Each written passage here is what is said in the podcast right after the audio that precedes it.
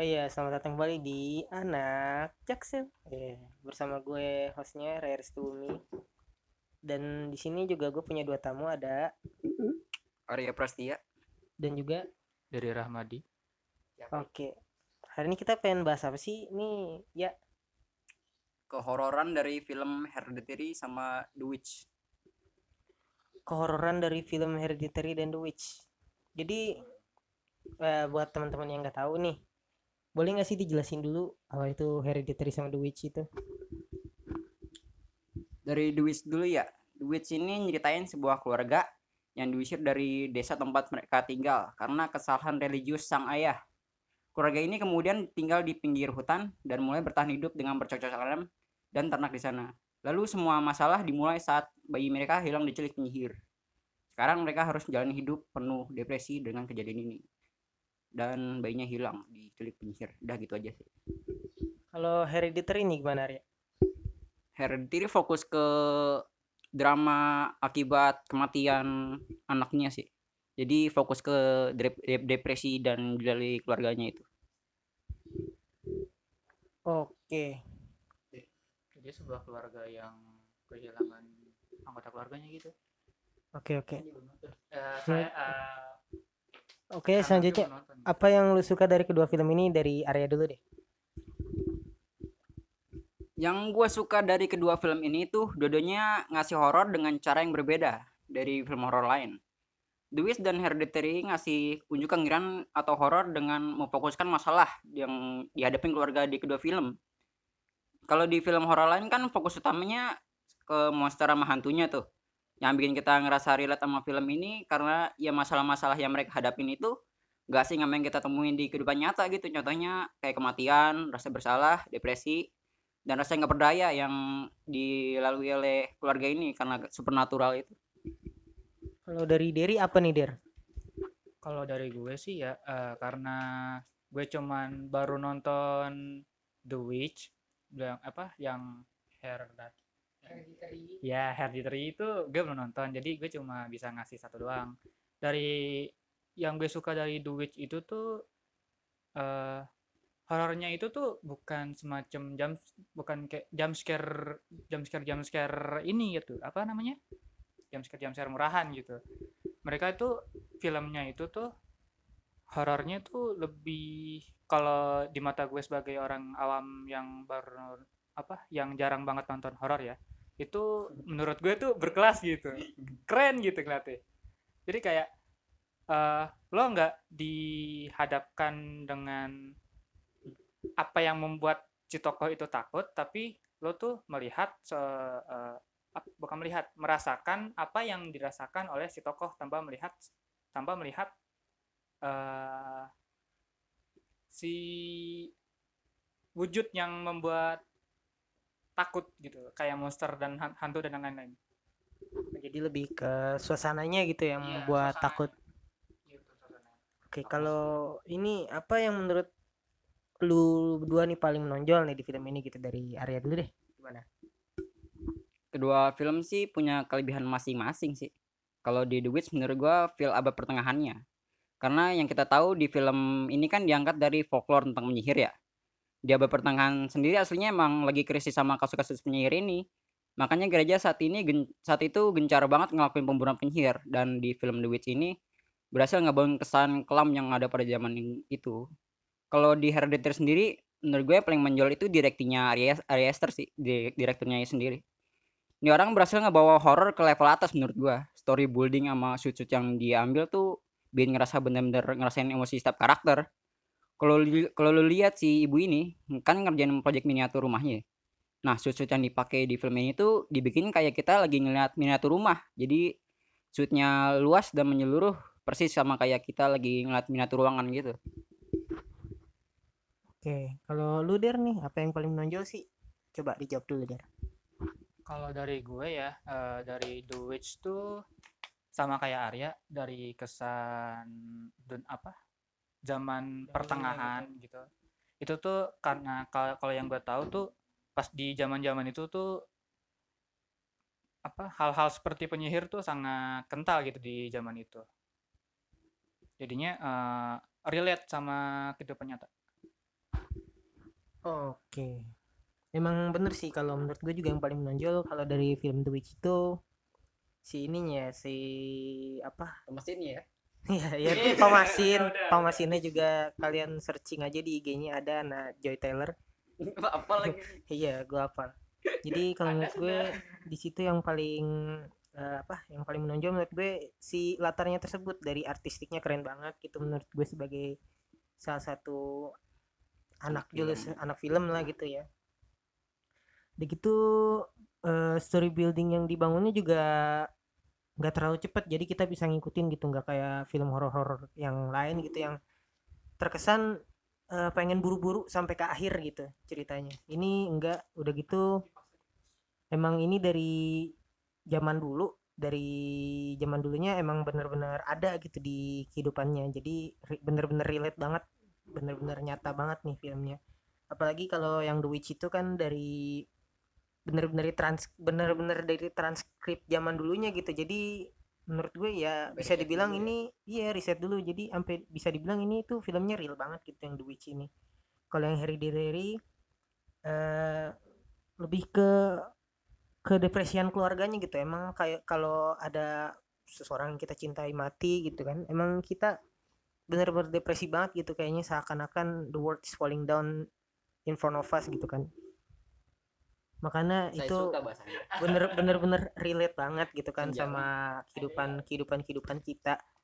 Lebih ke masalah-masalah itu sih yang gue pikir paling menonjol.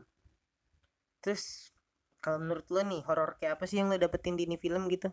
Ya dari area dulu deh. Horor yang di ada di kedua film ini tuh ngandelin emosi penonton ke karakter kata gua kayak yang dibilang tadi penonton ngerasa lebih ngeri karena penonton berasa related banget sama karakter-karakter ini. Nah ini yang jarang ada di film horor lain. Film horor lain kebanyakan kayak yang dibilang dari tadi fokus ke seruman setannya sama monsternya. Dan ngandelin chip jump scare buat ngagetin penonton padahal ceritanya emang nggak serem-serem amat. Nah di The Witch sama Hereditary ini berhasil ngebuktiin bahwa horor itu bukan cuma soal setan-setanan doang. Jadi tipe kengerian atmosfer ini yang dibangun di film yang gue suka sih kalau menurut lo nih dari horor apa yang didapetin sih di sini gitu Kalau dari The Witch ya, eh, yang gue dapetin tuh eh, kengerian emosional. Jadi ketika kalian eh, nonton film, misal nih kayak film horor biasa gitu, kalian tahu kalau hantunya tuh ada dan kalian pasti takut akan hantu itu gitu. Nah, kalau di The Witch ini kalian tuh nggak tahu bentuknya gimana atau rupanya seperti apa, tapi kalian tahu dan takut dari ekspresi uh, para karakternya yang terus sama suasana yang dibuat di film tersebut. Itu yang bikin ngeri. Ini sih yang gue dapat dari sini juga horor yang didapat gitu. Lebih mereka tuh lebih main di kayak di cerita sama di ininya ya kalau gue bilang feelnya gitu. Dilihat dari kalau mereka bikin filmnya itu scoring main banget di situ scoring. Apalagi Hereditary ya terus juga The Witch kan awalnya di awali dengan ter suara teriakan gitu kan kayak suara Iya. teriakan tinggi kayak gitu. Makanya kan scoring main banget sih itu scoringnya emang keren. Terus juga dari apa dari building up setnya gitu kayak di Hereditary karyanya Ari Aster gitu kan. Eh, di situ tuh udah dibangun tanpa sadar nih kita udah dikasih tahu ceritanya di dalam filmnya itu. Jadi eh, si kalau kalian udah nonton filmnya di filmnya itu si ibunya kan lagi ngebangun kayak proyek gitu. Ada kayak dollhouse-nya. Dollhouse-nya itu secara nggak sadar eh, ngasih tahu cerita kita yang apa yang bakal terjadi di film gitu. Kayak si Charlie-nya mati gitu si anaknya gitu anaknya si ibu ini mati gitu. Terus sampai ada eh, yang ngawasin keluarga mereka dari jauh gitu. Udah dikasih tahu di sini.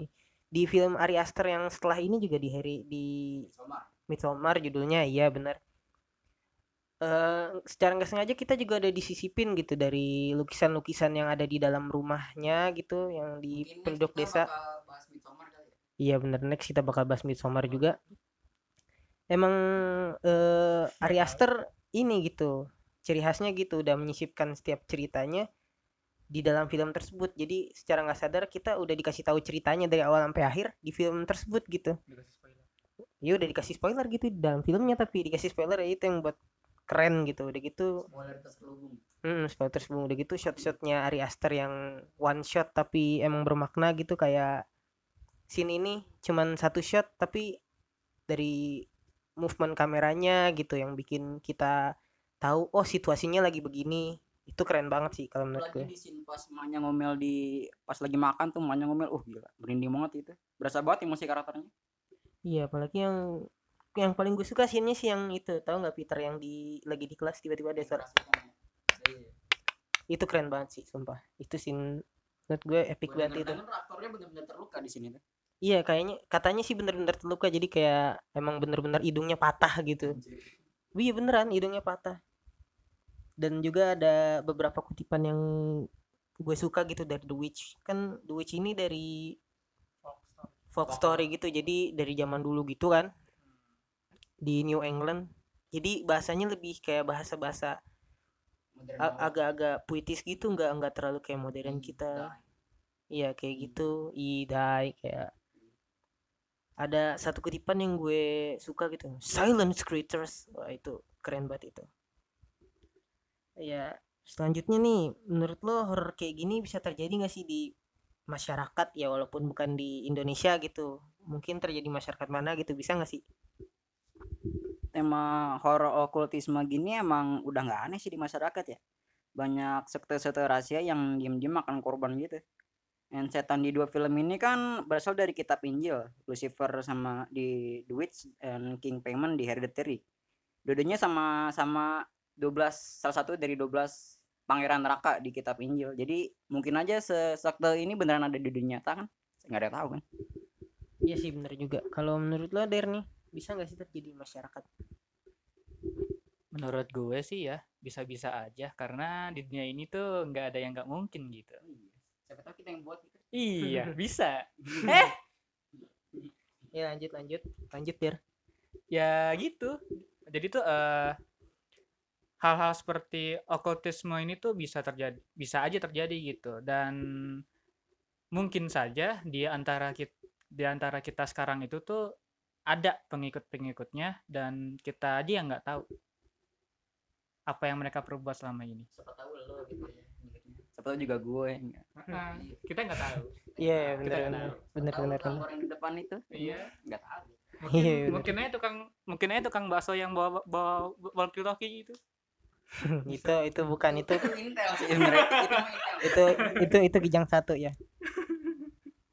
Ya kalau menurut gue sih juga bisa gitu terjadi. Apalagi kalau secara di dua film ini mereka menggambarkan tentang apa sih konsep ketuhanan itu. Kayak di ini sendiri kan di eh, apa masyarakat sendiri juga masih diperdebatkan gitu konsep Tuhan itu apa sih. Apalagi kan ada juga kayak mereka yang ateis gitu-gitu atau mereka yang yang ya masih menyembah menyembah menyembah apa kayak mbah mbah gitu yang menyembah menyembah pohon, gitu lah. pohon. Ya bukan bukan nggak mungkin masih emang iya masih ada. Ya bukan nggak mungkin emang kayak kayak horor kayak gini gitu ada di masyarakat apalagi di masyarakat Indonesia gitu. Masyarakat kita aja masih percaya santet. ya. Santai tahunan katanya lagi direncanain nih. Nah, makanya itu gitu. Menurut gue emang masih bisa masih terjadi sih, bisa terjadi mungkin di masyarakat Indonesia ini. Kalau selanjutnya nih, ya apa sih yang lu bisa dapat dari film horor ini gitu secara secara yang lu ringkas gitu lah. karena gue juga pernah bikin film dan sebagai sutradara ya jadi juga kan gue belajar banyak dari dua film ini Kara- kayak karakter building sama shoot and sama directingnya gue sebenarnya juga punya skenario nih yang bisa dibilang terinspirasi dari gaya directingnya Ari Aster gitu aja. Kalau lu Der, apa sih yang bisa lu dapat dari film horor ini gitu? Menurut lu? menurut gue setelah nonton The Witch tuh gue mendapatkan suatu jenis horor yang baru gitu karena lo bener awam banget ya soal di sini ya iya gue tuh eh, gue tuh eh, gimana ya orang itu takut gitu kalau nonton horor jadi itu bro mau nonton film nggak? Apaan? Horor? Ah skip deh. Lo lo jalan-jalannya berdua gitu sama siapa gitu. Ya pa pasti tuh kalau beda jakin tuh nolak gitu kalau kalau nonton horor tuh. Soalnya ya gitu takut. Ap, uh, udah udah thrill duluan gitu rasanya. Oke berarti yang bisa gue simpulin yang kalian dapat dari film horor ini kalian dapat sensasi horor yang baru apalagi buat area yang juga pernah jadi sutradara gitu dia terinspirasi banget sama si direkturnya Ari Aster. Luar ya gue juga ini sih yang bisa dapat dari film horor ini gue juga emang terinspirasi banget sih bikin horor kayak gini.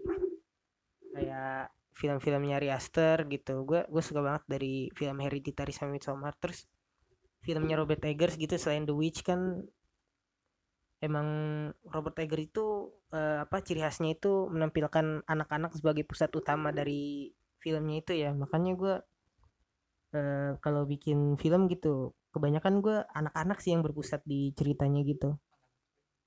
Robert Eggers secara kan Robert Eggers di karya-karya sebelum The Witch kayak di Hansel Gretel dan juga The Brother gitu kan. Emang di situ dia juga keren banget penyutradaranya. Yang terbaru filmnya lo tau nggak ya? Yang mana tuh Robert Eggers?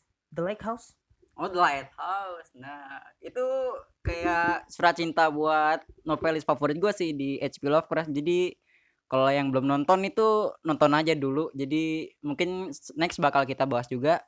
Pokoknya lu bakal muter otak banget di film ini. Jadi recommended banget dari gue Kalau gue sih emang gara-gara si artsinya si artnya Robert Eggers tuh keluar di film ini nih kalau menurut gue di film Lighthouse sama di film The Witch ini gitu. Si Robert Eggers lebih lebih apa ya lebih lebih menonjolnya tuh di dua film ini gitu. Makanya kalau menurut gue ini film-film dari A24 nih keren-keren banget gitu. Banget sih apalagi yang Ghost Story itu anjir. Gue nggak pernah nonton film kayak gitu loh seumur hidup loh. Anjir gue nonton ini what the fuck anjir. Jadi gue nunggu semenjak film itu gue nunggu banget film-film barunya A24 nih ya sama gue berharap suatu hari bisa kerja di N24 juga Amin gitu ya Allah. Jadi kameramen kayak gitu ya. Tukang sapu nggak apa? Ya selanjutnya nih. Menurut lo film horor kayak gini bisa dibikin gak sih di Indonesia ya? Coba. Sebenarnya horor kayak gini kan jatuhnya simple ya. CGI juga nggak banyak dimainin. Kayak di The Witch aja CGI cuma dipakai pas si Thomasin terbang doang ya. Sorry spoiler dan kalau di Hereditary mungkin pasin kebakar sama si Peter terbang juga. Jadi apalagi Indonesia kan zaman dulu dari zaman dulu nih praktikal efeknya udah mantep banget ya. Jadi dan kita sebenarnya kita akuin kita kurang di CGI sama budget ya. Jadi kan kedua film ini nggak wow wow banget dan premisnya juga simple. Sebenarnya kita juga cuma butuh penulis yang pinter sama sutradara yang bener. Gitu aja sih kalau menurut lo nih Der bisa nggak sih? Menurut gue bisa banget. Uh, tuh apa yang mau gue omongin tuh udah dikeluarin semua gitu sama Arya. Kita tuh sebenarnya bisa gitu bikin film horor kayak The Witch gitu. Karena yang pertama itu kan apa kayak film The Witch itu kan dia nggak make banyak CGI cuman di bagian akhir doang. Kalau penasaran nonton aja. Terus uh, uh, dari yang gue lihat gitu ya sebagai orang yang awam gitu di perfilman itu tuh menurut gue tuh cuma butuh satu tuh kayak yang dibilang Arya tadi penulis cerita terus uh, pemilihan lokasi sutradara terus aktor ya aktor juga penting aktor sebenarnya kita udah kebanyakan. Aktor kita sebenarnya udah kebanyakan. Jadi mungkin bisa nyari aktor alternatif yang lagi lagi melonjak gitu jadi jangan pakai yang terkenal terkenal doang. Jadi kita punya talent talent baru buat dunia film Indonesia ke depannya gitu. Nah kayak ya kayak yang dibilang Arya gitu. Terus apa lagi ya tadi? Satu lagi. Gue kepikiran gitu. Uh, sama sama tema sih. Uh, ya menurut gue. Jadi tuh uh, karena apa ya film-film horor di Indonesia itu kan uh, pandangannya tuh kalau nggak horor yang setan pembunuhan. apa horor-horor yang setan kalau nggak pembunuhan gitu. Terus ya gitu pasti bisa kok menurut gua mah. Bisa banget. Bisa banget. bisa banget. Ya kalau menurut gue juga bisa, apalagi semenjak dari tahun 10 tahun belakangan ini gitu. Dunia film horor Indonesia mengalami perkembangan gitu, udah enggak meskipun masih banyak film-film yang sampah sih kata gue Iya iya sih. Ada paha. Ya jadi dada dan paha kurang kita sebenarnya kurang butuh inspirasi yang bagus sih ke sama kreativitas soalnya kalau kalau lu bandingin sekarang nih kebanyakan film horor Indonesia tuh kebanyakan ya konsepnya vlogging ya enggak pergi ke mana vlogging terus di Ah. teror premisnya plot twist bego anjir yang plot twistnya enggak enggak nyambung sama cerita sama sekali gitu loh. Jadi bener-bener kita butuh sutradara sutradara bener udah bagus banyak. Kayak ya banyak lah pokoknya. Tapi penul- penulisnya penulisnya ini yang kita butuh banget. Ya menurut gue juga begitu ya. Kalau bisa nggak sih bikin di Indonesia? Menurut gue bisa banget. Soalnya dari 10 tahun belakangan ini kan yang tadi gue bilang Indonesia mengalami peningkatan di film horor. Udah nggak film yang kayak Suster Keramas yang ah, sama Miyabi Miyabi gitu lah udah BTW saya suka loh itu bukan dari tema horornya ya saya suka ya suka aja. Ya gitu nggak yang nggak yang kayak apa pocong keliling gitu-gitu. Tapi udah berkembang kayak lebih lebih bikinnya mereka tuh lebih kreatif lagi. Kayak semisal film-film horornya Joko Anwar gitu. Gue kemarin ngeliat yang apa perempuan tanah jahanam itu Oh, sama yang itu tuh. Eh bukan sih. Di kalau di Ratu Ilmu Hitam dia bagian penulisnya ya? Ya dia penulis. Jadi apa ya menurut gua itu eh, Ratu Tanah Jahanam udah keren banget sih itu. Mulai dari apa dari ceritanya gitu yang nggak biasa sampai katanya mereka ngebangun jalan buat ke desa itu gitu kan. Keren banget itu. Gua denger denger juga budgetnya itu lebih dikit dari FTV anjir. Hebatnya gitu tuh Joko Anwar tuh. Iya makanya gitu.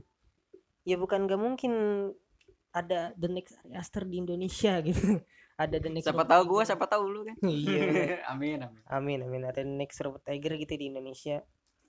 Jadinya menurutku bisa banget apalagi kan SDM SDM perfilman di Indonesia itu banyak banget gitu kan. Tiap tahunnya tiap tahunnya ada kalau di kampus gue ya nih ya, ya ada 800 orang gitu yang masuk masuk ke perfilman gitu ada ya makanya gitu setiap harinya makin banyak yang masuk ke dunia ini gitu. Jadinya kita nggak bakal pernah kekurangan SDM cuman gimana kita manfaatin SDM yang sebanyak itu untuk menjadi eh, sebermanfaatnya banget gitu untuk menjadi efektif gitu. Kayak di eh, luar sana gitu kayak di misal di Hollywood atau di Korea yang SDM-nya emang udah tertata gitu. Jadinya habis lulus kuliah kita nggak bakal nganggur gitu gue kurang demennya sama horor zaman sekarang sih. Terlalu mainin total apa keterkenalan aktornya sih kayak yang kemarin tertin di Hunted tuh. Dia udah si Ata gara-gara dia kan terkenal banget tuh bocah-bocahnya tuh mungkin.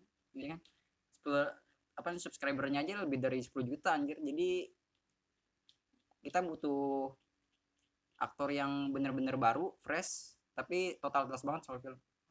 Iya ya bener-bener. Butuh aktor butuh aktor sebenarnya nggak butuh sih kalau menurut gue kayak acting acting Reza Rahardian gitu nggak kalah sama actingnya si Ata si Kapten si Kapten Amerika gitu nggak nggak nggak kalah.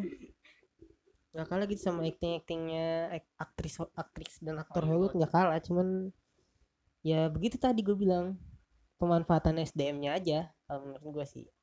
Kalau di Indonesia itu di bagian perfilman jadi ya bukan gak mungkin film horor kayak The Witch dan Hereditary ini bisa dibikin di Indonesia gitu. Bukan gak mungkin ya menurut gue sih kita gitu. juga belakangan ini dimanjain sama film horor bagus kok. Kayak tadi dibilang Tanah Janam sama sama apa Ratu Ilmu Hitam itu gue nonton Ratu Ilmu Hitam aja tangan gue diremes anjir sama cewek samping gue anjir sampai. Gue mes banget sama walaupun storyboardingnya simple banget tapi gue mes sama CGI ini pakai jadi gornya nggak nanggung anjir jadi kayak lu masuk ke rumah hantu nih samping kiri lu gor semua ya sadis semua anjir itu sih yang gue suka Iya.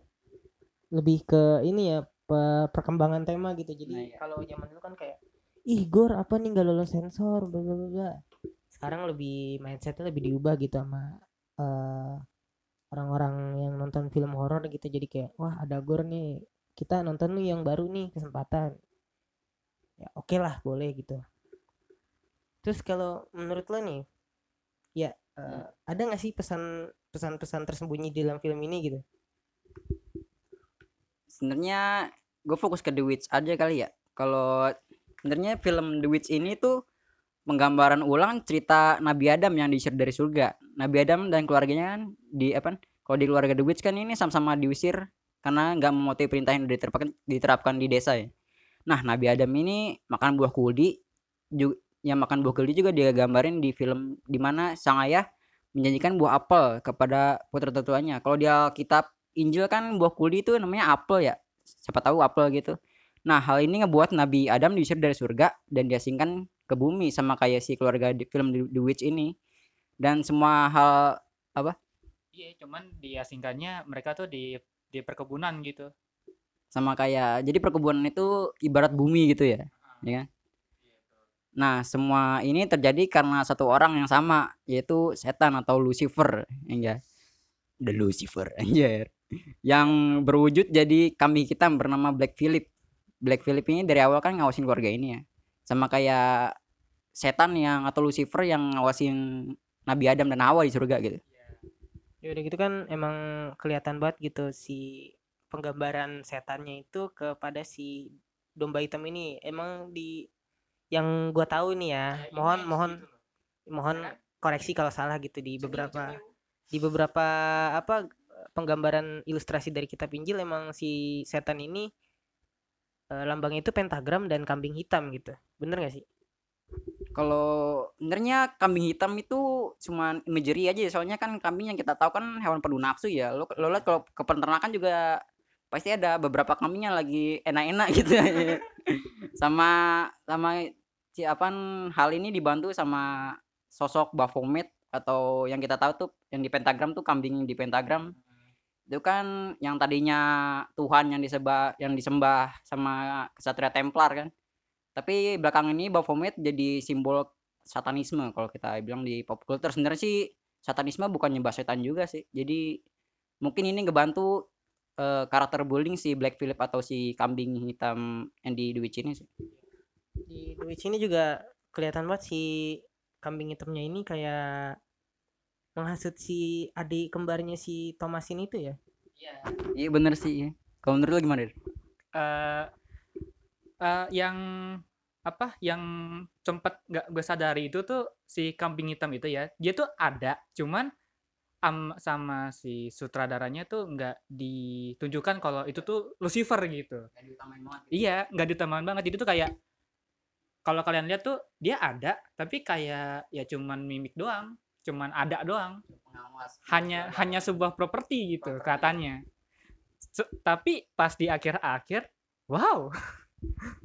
Ya nggak kayak Derry tapi kalau gue sih udah nyadar dari awal soalnya kayak lagu-lagu yang dimainin dinyanyiin sama adenya gitu kayak kayak liriknya nih Black Black Philip Black Philip crown drops out his head Black Philip Black Philip to nanny queen is with jump to the fence running to the stall Black Philip Black Philip king of all Black Philip Philip Black Philip Black Philip the king of sky and land Black Philip Black Philip king of the sea and sand we are servant we are Yemens Black Philip eat the lion from the lion's den di dari liriknya itu deh sektemis banget itu dia kayak doa buat nyembah si setan itu si Lucifer itu Iya, padahal kalau yang kalian kalau yang bisa dilihat dari film ini gitu, si keluarganya ini tuh religius banget ya, Kar. sangat sangat sangat jadi tuh kayak eh gue nggak tahu aslinya gimana ya karena gue emang nggak nggak belajar agama lain gitu cuman kalau ada yang dari gue lihat tuh mereka tuh sangat memegang teguh agamanya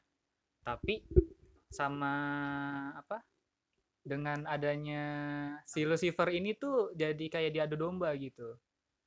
Satu persatu para ah jangan deh spoiler spoiler. Kenapa kenapa? Gini kan podcast ini kan ditujuin buat yang buat nonton. Kenapa Iya jadi tuh eh, satu persatu tuh keluarga mereka tuh mati gitu dan di akhir-akhir eh, si Thomas, nah Thomasin, Thomasin tuh eh mencoba mencoba gitu buat ngomong ke Black Phillip gitu. Apa? Karena dia tuh penasaran gitu. Apakah si adiknya ngomong sama Black, Black Phillip tuh beneran gitu? Nggak taunya ngomong gitu loh. Kayak kayak kewa banget gitu jadi tuh kayak dari perkem dari awal-awal kalian melihat itu kambing hitam tuh cuman kayak kambing doang. Terus mulai la- mulai ke sini mulai ke sini kalau kalian ngelihat adiknya apa perilaku adiknya gitu tuh itu tuh mulai mulai kelihatan agak gimana gitu. Kayak mulai dirasuki. Semacam itu. Iya bener-bener karena semua keluarganya emang kerasuki gitu kan. Emang juga kelihatan kan dari lirik lagunya itu kayak we are your mans kayak gitu-gitu. Kayak artinya kan kita adalah eh, kita adalah manusiamu kita pengikutmu gitu. Jadinya emang udah di ini banget eh, dari lagu itu udah ketahuan banget gitu kayak si adik kembarnya si Thomasin ini kayak di Maksud gitu. hasut Udah gitu sama duluan, sama Black Phillips di doktrin gitu. iya di di doktrin awal-awal dan kalau menurut lu keluarganya gambarin apa sih ya Kalau dari yang gua dapet ya, nih keluarga itu ngelambangin tujuh dosa besar di ajaran Kristen nih. Gue jelasin atau ya. Si ayah yang nyembunyiin kesalahannya itu melambangkan dosa kebohongan atau pride. Dua, putra tertua yang tertarik sama kakaknya dan kecantikan penyihir itu ngelambangin dosa nafsu atau las. Ibu yang tidak suka dengan kecantikan atau pendewasaan putri tertuanya nih melambangkan dosa iri. Dosa iri hati atau envy putra tertua yang lebih milih tipu daya Lucifer nih at, untuk hidup mewah atau putri apa yang maksud gue tuh putri tertua ya itu si Thomasin itu lebih milih hidup mewah yang dijanji nama Lucifer itu dosa keserakahan greed putri yang kembar paling muda tuh membuat kehancuran sama keharmonisan keluarga melambangkan dosa kemurkaan atau wrath putri yang kembar yang putra yang kembar yang, yang lupa kewajibannya beribadah itu melambangkan dosa kemalasan atau slut si bayi si bayi yang paling muda ini meskipun kelihatannya suci juga kayak dijelasin di film ya bayi yang baru lahir tuh juga udah ngan- udah punya dosa gitu. Dan bayi ini tuh perlu banget dilayani dan dibenarkan melambangkan kerakusan atau gluttony? Emang filmnya bermakna banget jadi gitu kayak di film ini tuh ada beberapa makna tersembunyinya gitu kalau yang terselubung. ter- makna terselubung. Kalau yang emang kalian ngerti sih kalian emang bisa ngelihat itu. Tapi kalau yang Oh, kayak biasa-biasa saja seperti saya gitu harus mencari lebih banyak apa namanya? Referensi. Referensi Iya kalau yang kalau yang awam sih belum tahu tapi kalau kayak gue sama Arya yang kayak emang udah filmmaker gitu amin amin filmmaker ya Allah, amin amin ya Allah. am- amin filmmaker amin. amin filmmaker profesional kalau kita kan masih Amin. amatir gitu masih amatir indie indie parah iya yang kayak gitu eh, bisa ngelihat gitu yang udah udah belajar kita yang udah belajar film bisa ngelihat gitu bahwa ada beberapa makna tersembunyi di sini gitu jadinya yang ngebuat film itu makin menarik gitu kalau bagi kita. Eh, jadi intinya apa nih dari film ini nih ya intinya apa ya? Jadi inti yang bisa kita ambil itu kita harus sadar kalau tema okultisme sama tema masalah keluarga ini benar-benar ada di dunia nyata. Jadi benar-benar harus diperhatiin banget. Jadi walaupun kita paham banget sama agama nih kita harus tahu sisi gelap agama kita. Kayak dijelasin sama di The Witch sama Hereditary ini. Jadi mungkin kita bisa nambah keimanan kita anjir. Siapa tahu kan dari film ya enggak? Kalau dari lo sendiri gimana Dar? udah dijawab sama lo semua? Yang jawaban lain? Ah eh, gimana gimana? Yang lu dapat dari film ini gitu?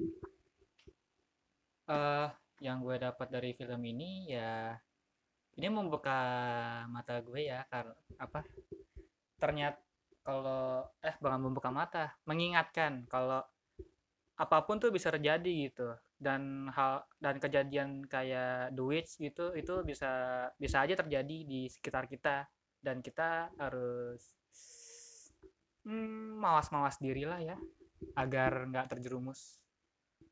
Ya bener kalau menurut gue sih intinya dari film ini gitu yang bisa kita dapat dari dua film ini bukan untuk menjelekan salah satu agama atau beberapa gitu kita kan Iya. atau menyesatkan kita yang udah punya agama gitu. Ah, ya kita kita kita nggak mau ke situ ya kita emang pengen ngomongin horor filmnya gitu nggak mau ngomongin ke sisi agama agamisnya gitu Kita juga nggak paham-paham banget sama agama kita sendiri. Heeh. iya makanya kita tuh lebih ke horornya gitu jadi kalau yang bisa gue ambil intinya dari the film ini tuh jadi eh, kejadian-kejadian yang ada di film ini itu relate banget sama kita. Jadi mungkin aja bisa terjadi di Sekitar. sekitar gitu di masyarakat sekitar. Makanya eh perhatiin lah gitu eh, tentang keimanan kalian gitu. Kuatin keimanan kalian nah gitu. Mungkin kita bisa belajar dari film. Dari film ini emang diajarin di intinya gitu kita harus memperkuat keimanan kita apalagi di film The Witch itu digambarin kalau keluarganya itu taat banget sama agama kan Betul. Iya. kayak mereka benar-benar ngadop agama Kristen dari pure Kristen bahkan pas si putra putra yang anak kecilnya itu mati kan dia berdoa dulu eh. Iya. ngemis-ngemis ke Tuhan dia buat Diampuni. diampuni itu sih yang gua itu juga salah satu scene paling keren sih di film The Witch itu merinding banget Berasa, berasa, berasa banget berasa. Iya makanya itu ya sekali lagi kita bukan pengen menja- Mendoktrin ya. men- mendoktrin kalian bukan pengen Atau me- menjelek-jelekan suatu kaum gitu. kita nggak pengen Nggak. itu kita cuman pengen membahas horornya di sini Nah, jadi biar kalian terbuka gitu horor film bukan cuma jump scare bukan thriller hanya dan Dan- gore thriller bla bla bla atau atau hantu monster gitu udah udah ketinggalan zaman banget sih hantu monster atau Iya. belahan. Ya, jadinya di film ini ada horor yang baru gitu. Kalau bisa disimpulin namanya itu psycho horror. Jadi horornya lebih nyerang ke psikologi kita sih. Sebenarnya sih ini nggak baru juga sih. Dulu tahun 1980-an itu ada nama horor namanya eh apa lupa gue yang di peranin Jack Nicholson tau gak lah yang zaman dulu tuh yang film Hotel tuh. The Shining? Nah itu. Oh, itu kata gue sih ya, pelopor horor modern sih itu. Soalnya di situ nggak ada hantu sama sekali ya. Maksudnya ada hantu tuh yang cewek kembar ke jam itu. Cuman numpang lewat doang. Fokus utama di horornya itu ya keluarganya itu sendiri sama kegilaannya si Jack itu. Dan lo lihat kalau lihat nih di seluruh film nih, si Jack meskipun mau mau nyerang si anak si anaknya sama istrinya itu dari awal sampai akhir itu nggak pernah nyerang sama sekali gitu. Jadi ya gitu sih. Jadi gimana itu? Iya gitu jadi ya? Jangan jangan setengah-setengah, Pak. Jadi ada horor baru yang harus kalian tahu hor- psycho horror yang sebenarnya nggak baru-baru amat juga gitu. Ya closingan nih cukup sampai di sini. Terima kasih untuk telah mendengarkan podcast kita. Semoga bermanfaat bagi kalian semua. Kami kita tidak ingin menyesatkan suatu kaum. Atau menjelek-jelekkan suatu kaum. ya jadi maksudnya kita tidak ingin menyesatkan kalian gitu. Kita cuman berpesan kuatkanlah iman kalian gitu. Kita juga di podcast ini tuh pengen membahas horornya doang. Sekali lagi kita pengen bahas horornya doang gitu. membahas movie. terima kasih. Ya horor dan filmnya gitu. Isi filmnya. Jadi ya terima kasih sekali lagi untuk mendengarkan podcast kita. Selamat tinggal. Sama. sampai ju sampai jumpa Ah, ja- lagi dong. ah, sampai jumpa kembali di podcast kita yang selanjutnya. Oke anak jaksel